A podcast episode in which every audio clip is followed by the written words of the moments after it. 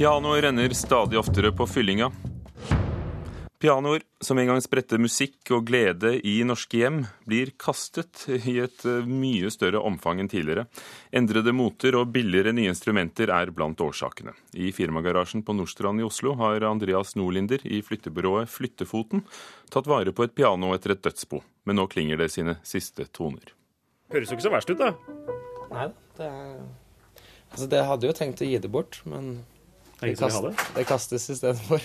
Det gamle pianoet synger på det aller siste verset, der Andreas Nordlinder og en kollega triller det over grusen, laster det om bord i flyttebilen og kjører av gårde. Neste stopp renovasjonsanlegget på Brobekk. Unnskyld? Eh, piano, hvor skal det? Ja. Nordlinder har inntrykk av at han frakter pianoer til anlegget oftere nå enn da han startet flyttebyrået for åtte år siden. Vi føler det, at det kastes eh, en del mer enn før. Det er jo, det er jo et veldig fint eh, møbel og instrument, så vi syns jo det er tullete. Men det er blitt sånn. Garantert. Kastes mye mer enn før. Med snart 40 års fartstid i bransjen bekrefter pianotekniker og butikkinnehaver Trond Hellstrøm inntrykket. Han må også selv ta turen til Brobekk for kunder. Vi kjører nok pianoer, eh, i hvert fall en eh, to-tre pianoer i måneden på fyllinga. Det er et minimum. Altså, vi, vi snakker jo sammen, kolleger. Uh, og alle sier det samme, at vi, uh, vi, må kjøre på fyllinga. Pianoer fra asiatiske land er nå blitt så rimelige at det kan være billigere å kjøpe nytt enn å sette i stand gammelt. Dessuten endrer pianomotene seg. Nå skal de gjerne være svarte, og dermed blir det vanskelig å få solgt dem som ikke er det. Særlig de som blir produsert på 60-70-tallet, som alle er ganske små og ganske brune. Enten i teak, nøttetre, mahogni eller palisander. Noe som overhodet ikke harmonerer med folk flest innen interiører. Jeg syns det er rystende. Det er rett og slett fysisk vondt å høre. Det sier pianist Wolfgang Plagge, som peker på bruk-og-kast-mentaliteten han mener preger dagens Norge. Det er eh, beste måten å bli kvitt sin egen historie på.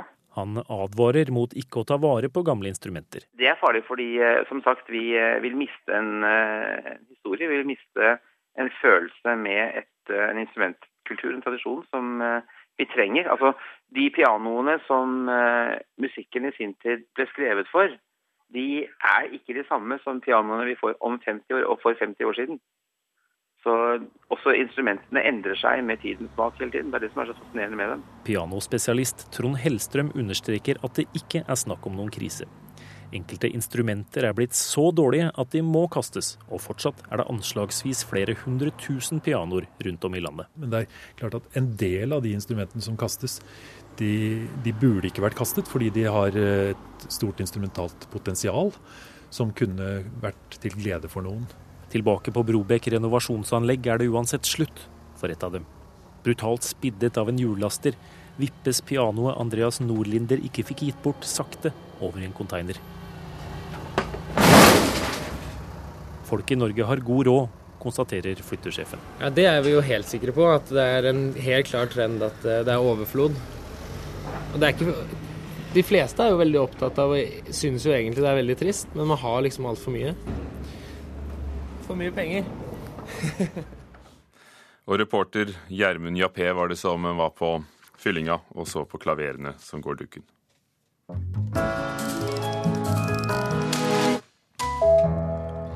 En gruppe kjente britiske musikere har bedt Russlands president Vladimir Putin om å gi punkbandet Pussy Riots en rettferdig rettssak.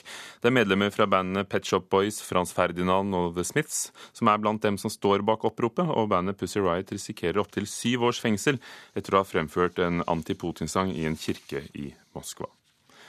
Få benytter seg av det statlige tilbudet om rentefritt lån til kunstkjøp, melder Dagens Næringsliv. Siden ordningen ble innført i desember i fjor, har bare 13 personer brukt den. Britiske eksperter mener forklaringen på den dårlige oppslutningen er at bare ett galleri, nemlig Kunstnerforbundet i Oslo, er tilknyttet prøveordningen, som skal vare ut året.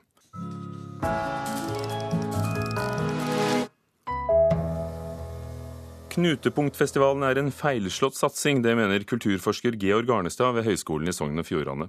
Arnestad, som selv var med å lansere ideen om knutepunktordningen, mener knutepunktfestivalene ikke tar statusen deres, som gir millionstøtte, på alvor. Men knutepunktfestivalene avviser kritikken, og direktør i Førde internasjonale folkemusikkfestival, Hilde Bjørkum, er en av dem. Ja, jeg vet ikke om jeg er helt enig med han i det. Førdefestivalen har hatt knutepunktstatus siden 2005. Det betyr at de skal være en kunstnerisk spydspiss innenfor sin sjanger. Altså folkemusikk. De skal òg være ei hjelpende hand for andre festivaler i samme sjanger. Til gjengjeld får de en halvannen million i støtte fra Kulturdepartementet. Denne ordninga mener kulturforsker ved Høgskolen i Sogn og Fjordane, Georg Arnestad, ikke fungerer, og at festivalene ikke oppfyller kravene til pengestøtte. I dag så er denne ordninga blitt en ren festivalstøtteordning, og det er i alt 16 festivaler, og 12 av dem er musikkfestivaler. Så ordninga har, har skifta karakter og blitt noe annet enn det var tenkt. Han mente at hele knutepunktordninga bør evalueres fra eksternt hold fordi den ikke har fungert. Bjørkum i Førdefestivalen mener han tar feil i at de ikke oppfyller kravene til støtte. Jeg syns egentlig det er litt rart at det blir så mye snakk om at uh, det ikke altså, det kanskje blir litt sånn, Jeg føler kanskje det blir litt sånn jantelovmentalitet. altså, At ingen skal være bedre, på en måte. Eh, jeg tror at det fungerer som i andre deler av samfunnet, som i idretten f.eks. Du må ha både topp og, og bredde, og det, det, er veldig bra. En er avhengig av hverandre. Og det er veldig bra å ha sånne kompetansemiljø som blir styrka og sett, sett eh, er spydspisser rundt om i hele landet. Men knutepunktfestivalene har et annet ansvar enn bare å være best. De skal òg hjelpe de andre festivalene i samme sjanger, og der mener kulturforskeren det har svikta. De andre festivalene får ikke dra nytte av knutepunktfestivalene sin ledende posisjon, mener han. Bjørkum er uenig og sier at de hjelper alle som trenger det. Vi får jo spørsmål hele tida om, om, om, ting som hvordan vi gjør ting, og, og like mye fra andre sjangre, som innenfor folkemusikk, for så vidt. Altså. Men ja, Hva svarer de da? Nei, da gir vi jo gir vi jo alt vi har, hadde nær sagt. Altså, vi inviterer jo folk til å komme hit. Vi kjører jo en egen konferanse under festivalen. Norsk countrytreff på Breim fikk knutepunktstatus i fjor. De ble utsatt for kritikk tidligere i sommer for nettopp at de ikke har bidratt med hjelp til de andre festivalene.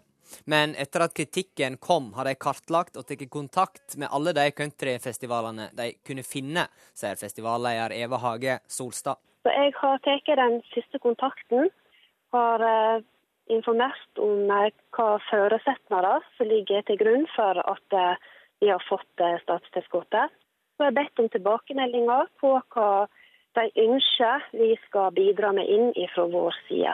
Og reporter var Torbjørn Selseng. En kjent komiker og radiopersonlighet er skutt og drept i Somalias hovedstad Mogadishu. Og han er bare én av flere mediefolk og journalister som er blitt drept i landet de siste månedene. Og Tom Christansens utenriksmedarbeider her i NRK og tidligere Afrikakorrespondent, hvem var Abdi Jelani Mashale? Han er en kontroversiell kunstner i Mogadishu. Han har vært det, ved denne radiostasjonen ganske lenge. Der har han gestaltet en figur som er altså en eh, jihad-soldat, og sier en rekke dumme ting. Så folk har jo ledd seg skakke på gatehjørnene hvor de sitter og hører på radio og drikker te. Eh, Al Shabaab truet han på livet, så han måtte flykte i fjor.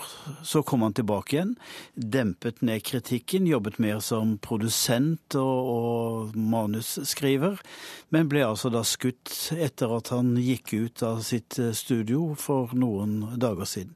Og det er ikke første gang slikt har skjedd. Hva er den politiske rammen rundt?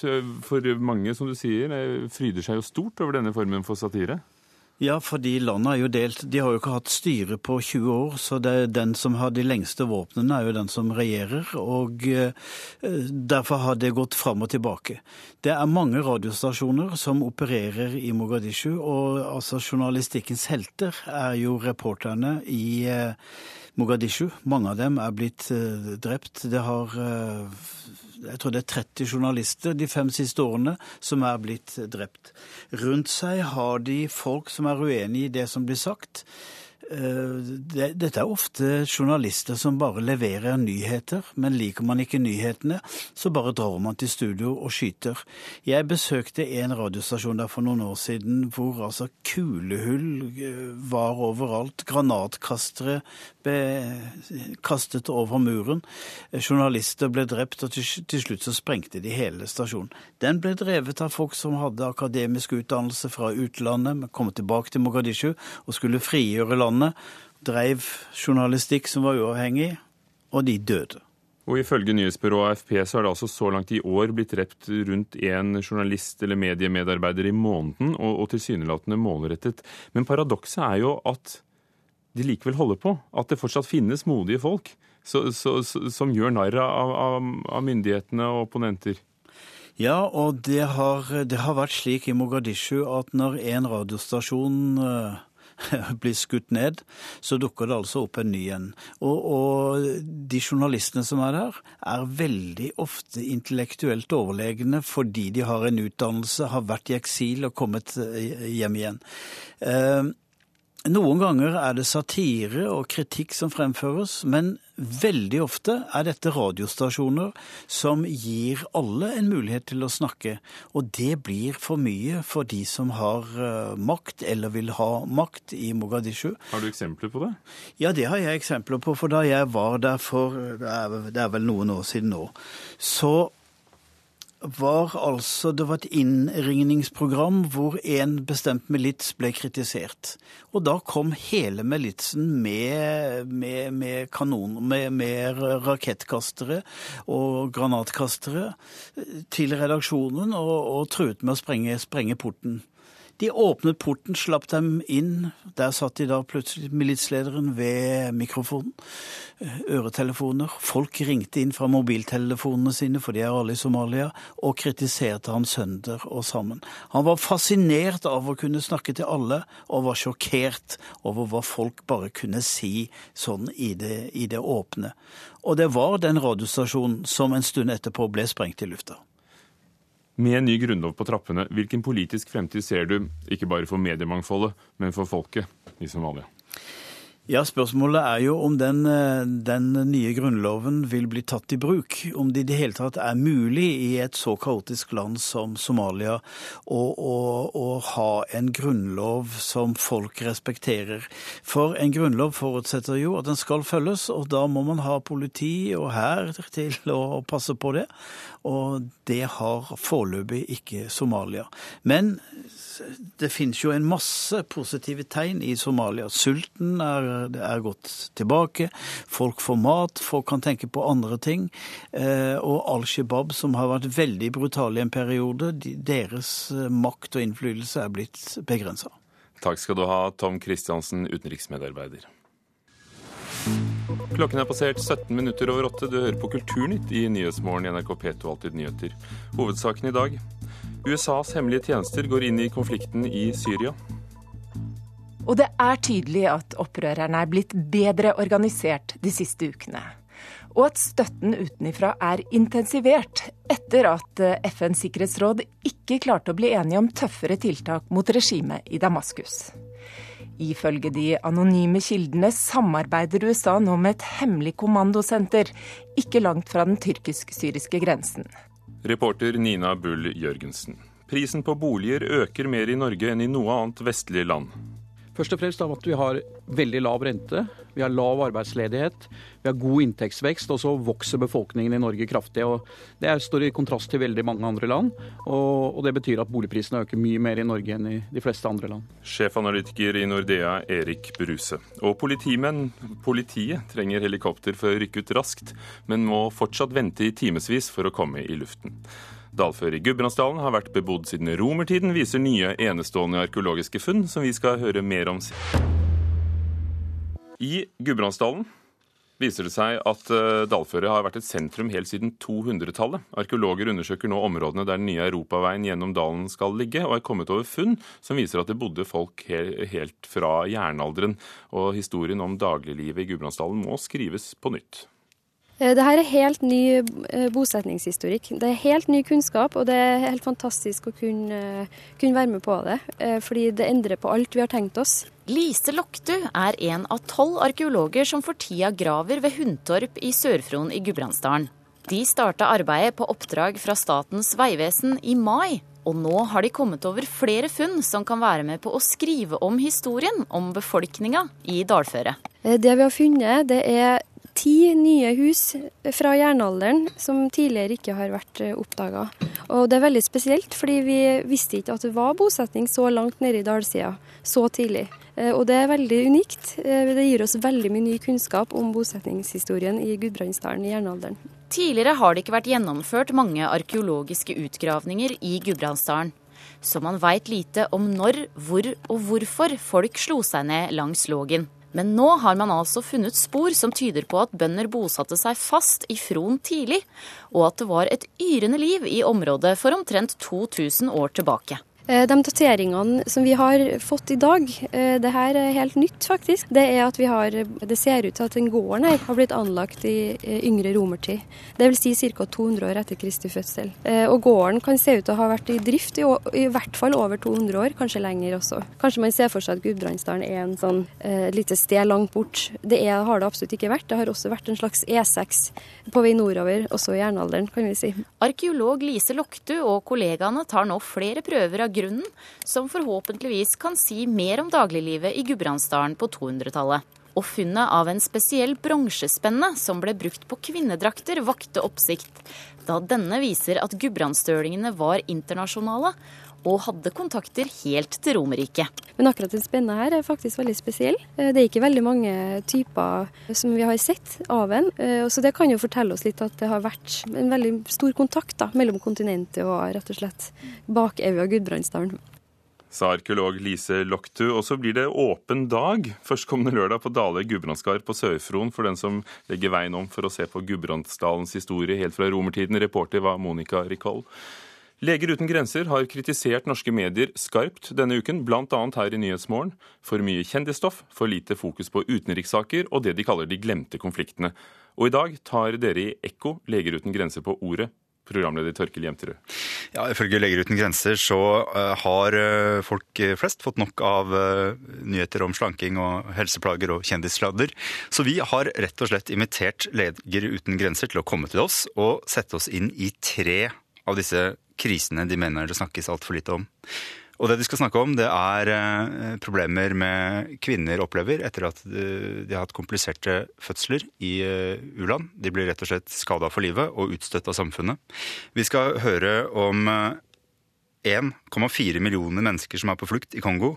Og så skal vi høre at én av ti av oss mennesker her på jorda bor i slum. Ekko klokken 9.03 om en drøy halvtime.